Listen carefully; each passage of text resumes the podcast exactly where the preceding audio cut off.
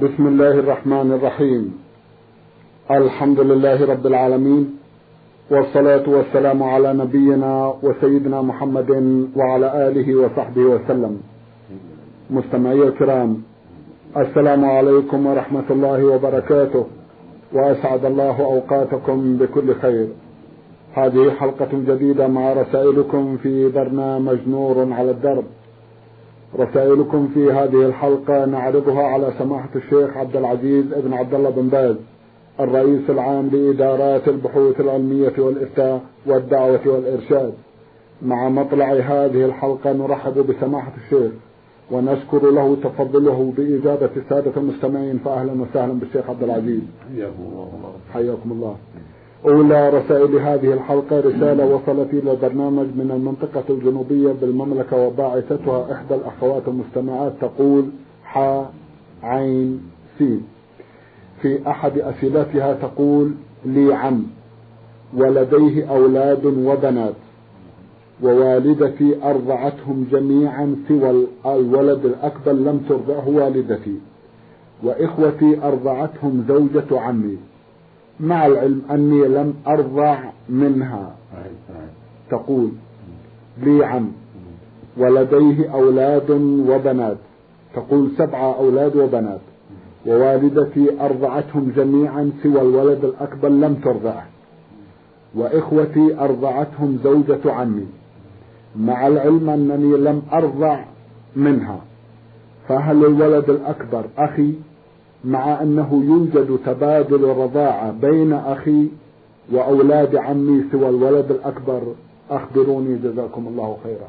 بسم الله الرحمن الرحيم. الحمد لله وصلى الله وسلم على رسول الله وعلى آله وأصحابه ومن اهتدى أما بعد فإذا كان الواقع وما ذكرته السائلة فإن الولد الأكبر من أولاد عمك لا حرج في زواجه بك لأنك لم ترضعي.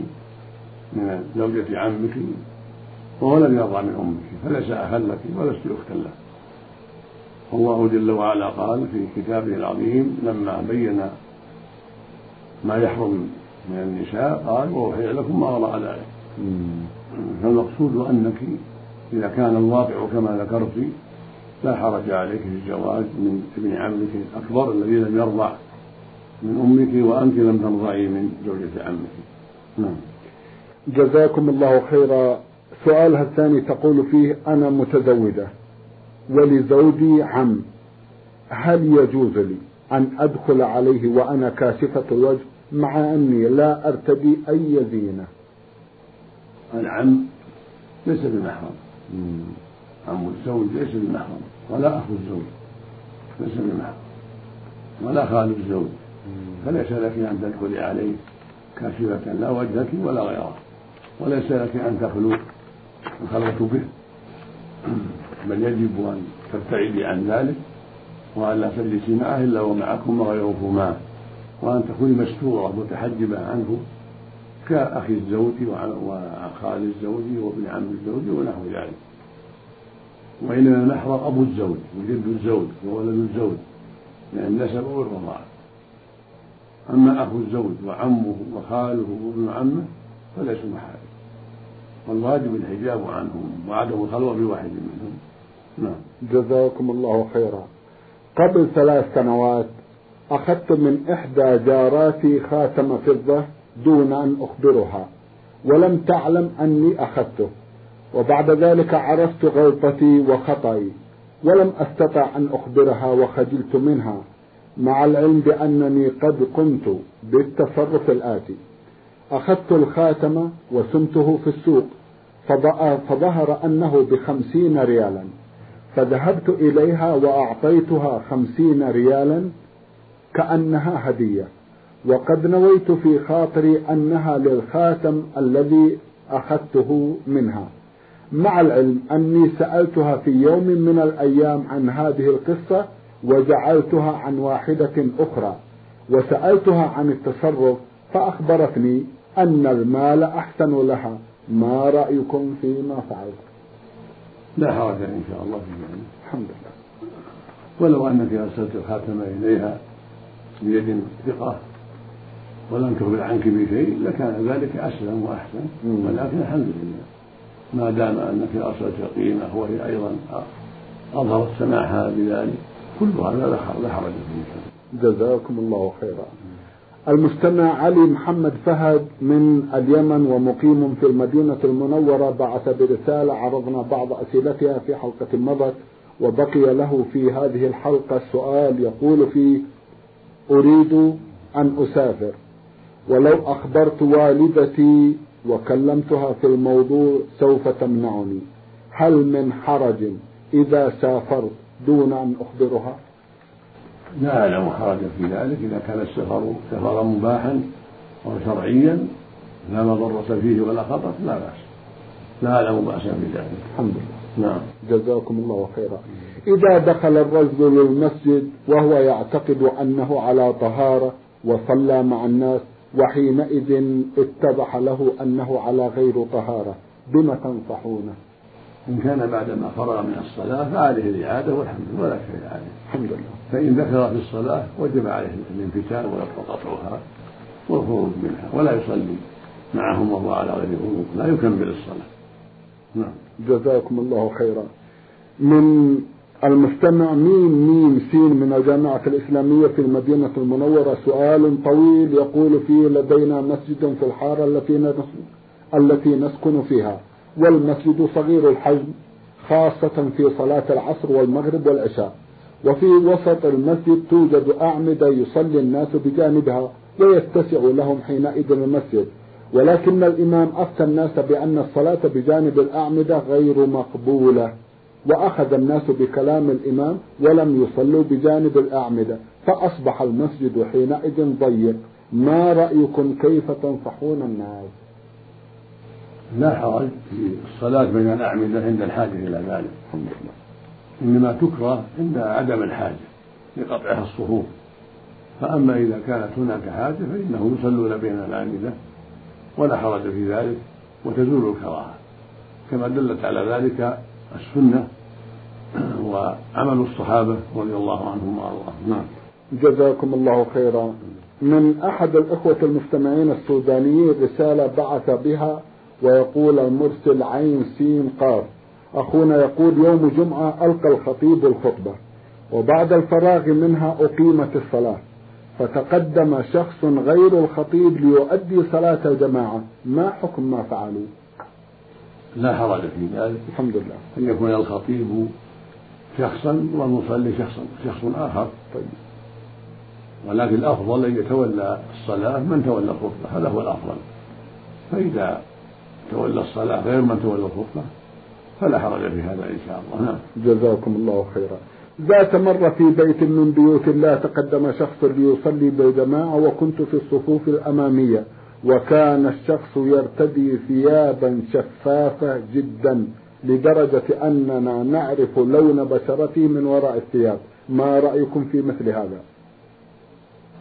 إذا كانت الملابس تصف العورة ولا تسترها فإنها لا تصح الصلاة لا صلاته ولا إمامته بل يجب أن يعزل ويفصل ولا يؤتم إذا كان فخذه يبين وبقية عورته لا تسترها لا يسترها قميصه ولا إزاره فإن هذا لا يسمى مستترا يقول باقي العورة. أما إذا كان الباين إنما هو الصدر أو الساق فإلا فالعورة مستورة ما بين السرة والركبة مستور بالإزار أو بالسراويل مع قميص هذا لا يضر. إنما الذي يضر كون الفخذ يبين أو ما هو أشد من الفخذ هذا هو الذي يضر. ما بين السرة والركبة إذا كان يعرف أنه أحمر اللون أو أبيض اللون أو أسود اللون لا يستره. ما عليه فإن هذا لا يجوز له هذا العمل لا في الصلاة ولا في خارجها ولا يتخذ إماما ولا يصلى خلفه. وينبه على أن هذا لا يجوز له. نسأل الله للجميع الهداية. اللهم آمين. جزاكم الله خيرا. الأخ عثمان محمد أحمد المختار بعث برسالة يقول فيها في بيت من بيوت الله عز وجل صليت وراء شخص وكان يرتل الآيات لكنه يغير بعض الكلمات. مثلا في سورة النور المصباح في زجاجة زجاجة كأنها كوكب دري يقول كلمة دري ينطقها دريع. وبعد الفراغ من الصلاة سألت أحد المصلين عن السبب الذي يجعله يقول هذا فقال إن هذه لهجته. من كانت لهجته على هذا النحو هل تجوز الصلاة خلفه؟ يعلم الصلاة صحيحة ما دام في خارج الفاتحة الصلاة صحيحة لأنه جاهل تكلم بكلمة يجهلها فيعلم وإذا علم وهم ثم تكلم بكلمة غير الكلمة القرآنية عامدا ذاكرا بطلت الصلاة لأنه تكلم في الصلاة عمدا. أما إذا كان جاهلا أو ناسيا وتكلم بكلمة غير الكلمة القرآنية فإنها لا تضر الصلاة إذا كان في غير ذاتها نعم. جزاكم الله خيرا. المستمع ألف ميم ألف من مصر بعث برسالة ضمنها جمعا من الأسئلة في أحد أسئلته يقول حكم صلاة الجماعة بالمسجد وعقاب من يتخلف عن الجماعة في المسجد؟ الجماعة في المسجد متعينة في أصح قول العلماء وليس للناس أن يصلوا في بيوتهم بل يجب عليهم أن يصلوا في المساجد وأن يجتمعوا على ذلك. لأن الرسول صلى الله عليه وسلم كان يصلي بالناس في مسجده. ويقول صلوا كما رأيتموني أصلي. اللهم صل وهو مفسر لقوله تعالى وأقيموا الصلاة. ولأنه عليه الصلاة والسلام أمر بالإجابة للمؤذن. وقال من سمع النداء فلم يأتي فلا صلاة له إلا من عذر. ولما استأذنه رجل أعمى قال يا رسول الله ليس لي قائد يلائمني فهل لي من رخصة أن أصلي في بيتي؟ قال هل تسمع النداء في الصلاة؟ قال نعم. قال فعجيب. رواه مسلم في الصحيح. وفي رواية أخرى قال لا أجد لك رخصة فإذا كان الأعمى الذي ليس له قائد يلائمه ليس له رخصة فمن باب أولى أن يكون الصحيح السليم البصر ليس له نعم. جزاكم الله خيرا. عقاب من يتخلف عن صلاة الجماعة بالمسجد؟ يستحق أن يعزر ويؤدى من جهة ولي الأمر. أو من جهة الحسبة التي عينت الأمر بالمعروف والنهي عن المنكر. أو من جهة المحكمة إذا كان تخلفه بدون عذر التساهل لأنه ترك واجبا وتشبه بأهل النفاق. فالواجب أن يؤدب وإذا رأى ولي الأمر أن يفتى بتوبيخه في المرة الأولى حتى لا يعود فإن عاد فهو يستحق التأديب. بجلدات أو سجن حتى لا يعود. نعم. جزاكم الله خيرا. هذا العقاب في الدنيا وفي الآخرة متوعد فيما يتوعد به المعاصي. نسأل الله. لأنه مشبه بأهل النفاق نسأل الله. وسلم. جزاكم الله خيرا. حكم سجود السهو. وما الذي يقال في السجود؟ ومتى يكون السجود قبل السلام؟ ومتى يكون بعد السلام؟ وإذا كان بعد السلام؟ هل يكون السلام يمينا فقط أم يمينا وشمالا؟ سجود السهو واجب. إذا كان لترك واجب أو لفعل محظور طيب. فإنه يجب عليه سجود السهو. لأن الرسول أمر بذلك وفعله قال صلوا كما رأيتموني يصلي ويقول فيه مثل ما يقول في سجود الصلاة. سبحان ربي أعلى سبحان ربي أعلى. سبحانك اللهم ربنا وبحمدك اللهم اغفر لي ويدعو وهو يجوز قبل السلام وبعد السلام. لكن قبل السلام أفضل إلا في حالين. إحداهما إذا سلم عن نقص ركعة أو أكثر فإنه يسجد بعد السلام.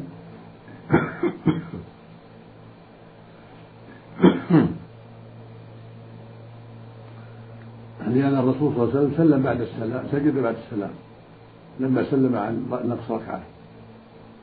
وفي رواية نقص ركعتين. سجد بعد السلام.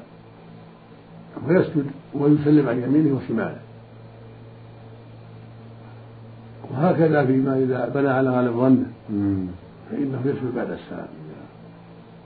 غلب على ظنه صلى ثلاث وجعلها ثلاث غلب على ظنه أنها أربع وجعلها أربع فإنه يسجد بعد السلام. وهكذا إذا سجد يسلم عن يمينه وشماله. في جميع أنواع سجود السهو يسلم عن يمينه وشماله. جزاكم الله. اللهم صل وسلم عليه. جزاكم الله خيرا ونفع بعلمكم. يقول أيضا في سؤال آخر ما الذي يقال في سجود التلاوة وما حكمه؟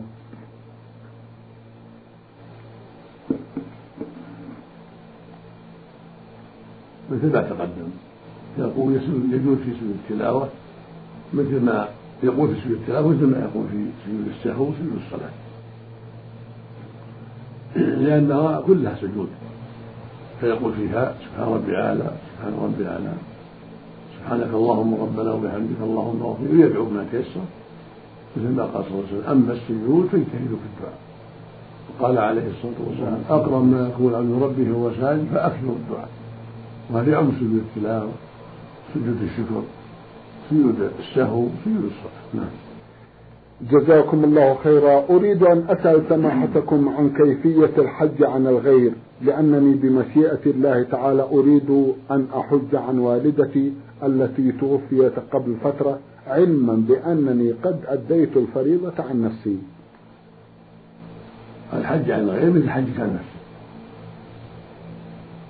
تحرم من الميقات يستحب لك قبل ذلك والطيب وإذا نويت عنها عن والدتك كفى وإن لبيت باسمها قلت لبيك حجا أو عمرة عن والدتي أو عن أبي المتوفى أو العاجز فلا بأس. والأفضل أن تسميه عند الإحرام. قل اللهم لبيك عمرة عن أمي فلان أو عن أبي فلان أو عن أخي فلان المتوفى. وهكذا عن العاجز الشيخ الكبير العاجز والمرأة العجوز الكبيرة العاجزة لا بأس أن تحج عنهما. والباقي يكون بالنية باقي الأعمال بالنية. ما ما في حاجة إلى التلفظ تطلب النية عن من حججت عنه تسعى كذلك تقف بعورة كذلك وهكذا. كله بالنية. هكذا رمي الجمار نعم. جزاكم الله خيرا. هل يجوز أن يصعد الخطيب المنبر يوم الجمعة قبل دخول وقت الظهر الموضح في تقويم أم القرى مثلا ويؤذن المؤذن له عندما يصعد؟ يجوز على الصحيح أن يصليها قبل الزوال الساعة السادسة. إن قبيل الزوال لا بأس. قد جاء في الأدلة ما يدل على جواز ذلك لكن الأفضل يكون بعد الزوال. لأن أكثر أهل العلم يمنعون من فعلها قبل الزوال ولأنه الغالب من فعل النبي صلى الله عليه وسلم أنه كان يصليها بعد الزوال. فينبغي المؤمن أن يحتاط لدينه وأن يبتعد عن مسائل الخلاف التي فيها شبهة فإذا صلى بعد الزوال كان أولى وإن صلى قبل الزوال في الساعة السادسة يعني في الساعة الأخيرة قبل الزوال فلا حرج في ذلك على الصحيح. نعم. جزاكم الله خيرا. له سؤال طويل جدا يقول فيه عندي زوجة ولي منها أولاد وعندي أولاد من غيرها وهم صغار وترفض أن يعيشوا معها. وليس لي أي أحد يتولى رعايتهم سوى الله تعالى. ثم أنا وعندها هي ولد من زوجها الأول الميت ولكن هذا الولد أردت أن يعيش معي في بداية الحياة الزوجية وفعلا ظل عندي سنة كاملة دون أن آخذ منه شيئا رغم أن له دخلا شهريا من والده المتوفى. ولكن هذا الولد تسبب في مشاكل كثيرة بيني وبين والدته. لأنه كان يجر علي مشاكل من الخارج وإذا أردت تأديبه بالحسنى غضبت والدته وسارت ولما تكرر ذلك وأصبحت الحياة صعبة صممت على ألا يعيش معنا بعد هذه السنة. علما بأن أولادي من غيرها في ذلك الوقت كانوا تحت رعاية والدتي التي توفيت العام الماضي. وإن ولدها له جدته وجده وخاله زائد إخوان أبي. وهنا مكث مع جدته وجده وتذهب إليه كل يومين أو ثلاثة بخلاف أنه يحضر لها هو في الأسبوع أكثر من مرة وتعطيه فلوسا تارة أمامي وتارة من خلفي ولكنها مسرفة في ذلك في حين أن أولادي محرومون من ذلك. فهل يجوز لها شرعا أن تعطيه وأنا غير راض عن ذلك؟ ليس لها أن تعطيه شيئا إلا بإذنه. والواجب عليك في مثل هذه الأمور تحري أسباب الوئام وعدم الشدة في الأمور ونصيحتها كثيرا ووصيتها بالاعتدال وعدم الإسراف حتى تعيش إن شاء الله في خير. أما هي فليس لها أن تعطيه إلا بإذنه. والواجب على عليها السمع والطاعة لك في المعروف وعليها أيضا أن تتقي الله في أولادك وتحسن عشرتهم مساعدة لك في ذلك على تربيتهم الصالحة والإحسان إليهم. وأنت أيضا عليك أن تحسن الخلق مع ولدها وأن تفرح بالشيء الذي ينفعه حتى تستقيم الحال مع أمها مع أمه. فلا بد من تعاون بينكما وتسامح بينكما. أنت وهي. حتى تسامح بعض الشيء وهي تسامح بعض الشيء. حتى تعيشا وحتى يحصل الوئام بينكما. أما إن كانت تجد منك وتجد منها فإن هذا من أسباب الفراق. فلا ينبغي لكما ذلك مهما أمكن. نسأل الله لكم الهداية. اللهم آمين. جزاكم الله خيرا. المستمع زاي شين دال من الرياض يسأل ويقول لو أن شخصا عقد على امرأة وحصل بينهما خلاف قبل الدخول بها وقام بفسخ العقد هل يصح لوالده أن يتزوجها أم لا؟ ما دام تم العقد للولد عليها فليس للوالد أن يتزوجها ولا للجد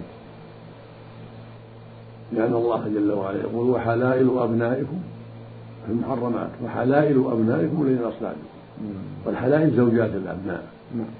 ولا ولا يفرق سبحانه بين المدخول بها وغير المدخول بها. فإذا تم العقد حرمت زوجة العبد وحرمت زوجة الإبن. على الولد وعلى الأب. إنما يشترط الدخول في أولاد الزوجات في بنات الزوجات وهن الربائب. نعم. لأن الله قال سبحانه وربائبكم اللاتي في حجوركم من نسائكم اللاتي دخلتم بهن. فإن لم تكونوا دخلتم بهن فلا جناح عليكم. هذا الشرط في الربائب. وهن بنات الزوجات. فإن كان دخل بأمهن حرمنا وإلا فلا. فيعقد على امرأة ثم طلقها أو ماتت قبل الدخول بها قبل الخلوة بها قبل الدخول بها المهم الدخول فإن نعم. بناتها لا يحرمن عليه لأن الله قال فإن لم تكونوا دخلتم بهن والدخول وطي فلا جناح عليكم فدل ذلك على أنه لو طلقها قبل وطئها أو ماتت فإن بناتها حل له. جزاكم الله خيرا المستمعة باغين ميم من تربة بعثت تقول لقد أرضعت أخواتي من أبي ثلاثة أيام بلياليها. كل واحدة منهن وهن ثلاث بنات حيث أنه في ذلك الوقت لا توجد رضاعات وأمهن مريضة ولا تستطيع أن ترضعهن. وأنا كل ما أرضعت واحدة منهن استسمحت زوجي والآن يسلمن على زوجي وأنا عنده. هل عليه شيء أفيدونا أفادكم الله نعم. تقول لقد أرضعت أخواتي من أبي ثلاث أيام بلياليها كل واحدة منهن وهن ثلاث بنات حيث أنه في ذلك الوقت لا توجد رضاعات وأمهن كانت مريضة ولا تستطيع أن ترضعهن وأنا كلما أرضعت واحدة منهن استسمحت زوجي والآن يسلمن على زوجي وأنا عنده هل عليه شيء أفيدونا أفادكم الله؟ ليس عليه بأس لأنهن حينئذ بنات له لأنهن بنات له في أرضائك في أرضائك لهن وهن أخواتك وهن أيضا بناتك وبنات الزوج. إذا كانت الرضاعة في هذه الأيام الثلاثة بلياليهن بلغت خمسا فأكثر لكل واحد. خمس رضاعات لكل واحدة إذا كنت ترضعين كل واحدة في النهار مرة وفي الليل مرة أو أكثر فإنك أرضعت كل واحدة ست رضعات أو أكثر. وهن بناتك وبنات زوجك مع أنهن أخواتك. وهن أخوات من النسب وبنات من الرضاع. وهن بنات لزوجك من الرضاع. فلا بأس ولا حرج عليك في النظر إليهن وهن محارم له نعم. جزاكم الله خيرا. رسالة وصلت إلى برنامج من المستمع لبنان إسماعيل من السودان يقول قال رسول الله صلى الله عليه وسلم إنما الأعمال بالنيات وإنما لكل امرئ ما نوى. جئت إلى الصلاة فرضا أو نفلا وأقمت صلاة الفرض. وبعد الإقامة قلت نويت أن أصلي مثلا الظهر والسنن. معروف لدينا أنها من غير إقامة. هل يكون في ذلك حرج من قولي نويت أن أصلي الفرض أو النفل؟ هذا القول هل هو نوع من البدع؟ ما رأيكم جزاكم الله خيرا. أما الإقامة فمشروعة للفرائض دون النوافل. وأما تلفظ النية فهو بدعة سواء في الفرض أو في النفل جميعا. فلا يشرع لك أن تقول نويت أن أصلي الظهر أربع ركعات أو العصر أربع ركعات جماعة أو إماما أو منفردا وهكذا بقية الصلوات. لأن هذا لا يفعله الرسول صلى الله عليه وسلم ولا أصحابه ولا أرشد إليه ولا دل عليه عليه الصلاة والسلام. وقد قال عليه الصلاة والسلام من عمل عملا ليس عليه أمرنا فهو رد الموجود وقال عليه الصلاة والسلام من أحدث في أمرنا هذا ما ليس فهو رد الواجب على المسلمين ترك هذه البدعة. ولو قالها بعض الفقهاء من المتأخرين فإن أقوال أهل العلم تعرض على الكتاب والسنة. فمن وافق الكتاب والسنة قبل وما خالفهما ترك. ولم يكن صلى الله عليه وسلم ولا أصحابه يتلفظون بالنية. لا نية الوضوء ولا نية الصلاة. ولم يحفظ عن واحد من الصحابة فضلا عن النبي صلى الله عليه وسلم أنه كان يقول نويت أن أصلي فرض كذا كذا وكذا أو نويت أن أتوضأ أو نويت أن أطوف ونويت أن أسعى كل هذا لا أصل. فالواجب أن يسعنا ما وسعهم وأن نسير على نهجهم صدق الله الجميع الهداية والتوفيق. اللهم آمين سماحة الشيخ في ختام هذا اللقاء أتوجه لكم بالشكر الجزيل بعد شكر الله سبحانه وتعالى على تفضلكم بإجابة السادة المستمعين وآمل أن يتجدد اللقاء وأنتم على خير. اللهم آمين. مستمعي الكرام كان لقاؤنا في هذه الحلقة مع سماحة الشيخ عبد العزيز ابن عبد الله بن باز الرئيس العام لإدارات البحوث العلمية والإفتاء والدعوة والإرشاد شكرا لمتابعتكم وإلى الملتقى وسلام الله عليكم ورحمته وبركاته.